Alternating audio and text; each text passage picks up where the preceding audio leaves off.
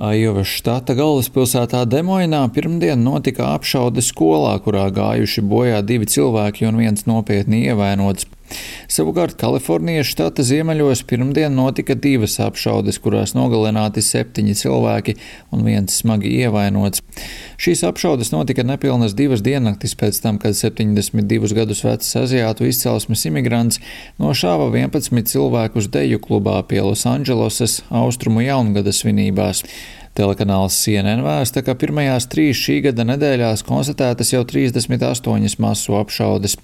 Saskaņā ar pētījumu, kas publicēts Amerikas Pediatrijas akadēmijas žurnāla Pediatriks 2022. gada decembra izdevumā, šaujamieroču traumas šobrīd ir galvenais nāves cēlonis cilvēku vidū, kas jaunāki par 24 gadiem. Pēdējo desmit gadu laikā visvairāk apšaudes notika 2021. gadā, to skaitam sasniedzot teju 700 gadus. Saskaņā ar kompānijas Gallup pērn oktobrī veikto aptauju aptuveni 45% pieaugušo ASV apgalvo, ka to mājsaimniecībā ir ierocis. Kalifornijas štata gubernators Gevins Ņūsams kritizējis labēji noskaņotos likumdevējus, vainojot tos bezdarbībā, tā vietā, lai atbalstītu stingrākus likumus.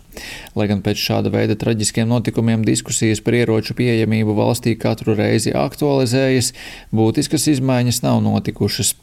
Laikā, kad ASV kongress ir sašķelts un politiķos joprojām valda ļoti atšķirīgi uzskati, jautājums par ieroču pieejamību un lietošanu aizvien ir ļoti jūtīgs.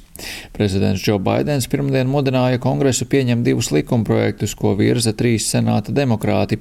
Viens no tiem paredz aizliegt uzbrukuma ieročus un lielas ietilpības ieroču aptveres, bet otrs noteikt, ka ieroci nevar iegādāties jaunas personas, paaugstinot šo vecuma slieksni līdz 21 gadam.